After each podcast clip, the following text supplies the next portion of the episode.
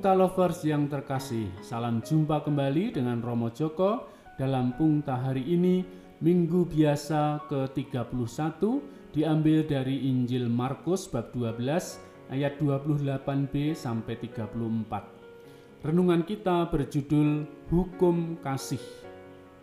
Kalau ditanya siapakah yang paling tahu tentang kasih, jawabannya jelas, pasti ibu. Seorang ibu punya pengalaman nyata tentang mengasihi. Ketika ia baru melahirkan, dan itu adalah saat-saat pengorbanan dan rasa sakit yang tak terkira, dalam kondisi yang belum pulih, dia harus memberi air susu kepada anaknya. Ia tak pernah tidur nyenyak karena tangisan bayinya harus mengganti popok, menidurkan, menggendong, menjaga sepanjang waktu tanpa kenal lelah. Selagi enak-enaknya makan, sang ibu diganggu oleh bayinya yang BAB di popok dan menangis dengan keras. Apalagi kalau bayinya sakit, demam, pilek, atau mencret-mencret, ibu harus berkorban tidak tidur untuk berjaga siang dan malam Waktu istirahat adalah waktu yang sangat istimewa bagi seorang ibu. Namun, tak ada ibu yang mengeluh atau menyesal melakukan semua pengorbanan itu. Semua dilakukan karena cinta, cinta kepada bayinya, terlebih cinta kepada Tuhan yang telah membuat mimpinya menjadi kenyataan.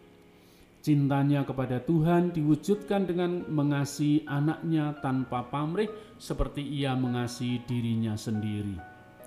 Pungta lovers yang terkasih, hari ini ada ahli Taurat yang bertanya kepada Yesus tentang hukum yang paling utama. Perintah manakah yang paling utama? Yesus menjawab, perintah yang paling utama ialah kasihlah Tuhan Allahmu dengan segenap hati, dengan segenap jiwa, dengan segenap akal budi dan dengan segenap kekuatanmu. Dan perintah kedua ialah kasihilah sesamamu manusia seperti dirimu sendiri. Kasih adalah hukum yang utama dan pertama. Kasih adalah sifat Allah yang paling nyata. Kasih melebihi sifat-sifat semuanya. Maka hati, pikiran, jiwa, akal budi, dan segala kekuatan kita harus ditopang oleh kasih. Kita harus sadar bahwa kasih itu diberikan Allah kepada kita dan harus kita wujudkan secara nyata. Maka Nabi Musa selalu dan terus-menerus mengingatkan bangsanya agar hanya mengasihi Allah saja dan tidak menyembah Allah-Allah lain. Yesus pun juga mengingatkan hal yang sama dan dia menghargai pikiran ahli Taurat itu engkau tidak jauh dari kerajaan Allah. Tidak jauh itu artinya sudah dekat, tetapi belum sampai masuk ke dalam kerajaan Allah. Kita bisa masuk kerajaan Allah jika kita sungguh-sungguh melaksanakan kasih secara nyata dalam tindakan. Ahli Taurat itu baru menegaskan, belum berbuat kasih. Ia baru memahami secara pikiran atau akal budi tetapi belum melakukan tindakan kasih yang konkret. Supaya kita makin dekat kerajaan Allah, maka marilah kita mewujud nyatakan ajaran kasih Tuhan itu dalam tindakan hidup sehari-hari. Kasih itu tidak berhenti pada kata-kata yang indah, kasih yang indah terbukti dalam tindakan nyata.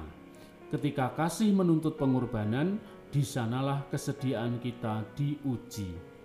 Beranikah kita mengasihi dengan sepenuh hati, jiwa, akal budi, dan kekuatan kita dalam tindakan konkret yang nyata sehari-hari? Memandang langit di saat senja, menikmati keindahan yang tak terkira. Kasih itu bukan omongan belaka, kasih itu terwujud dalam tindakan nyata. Sekian, sampai jumpa, salam sehat, jangan lupa selalu bersyukur, berkah dalam.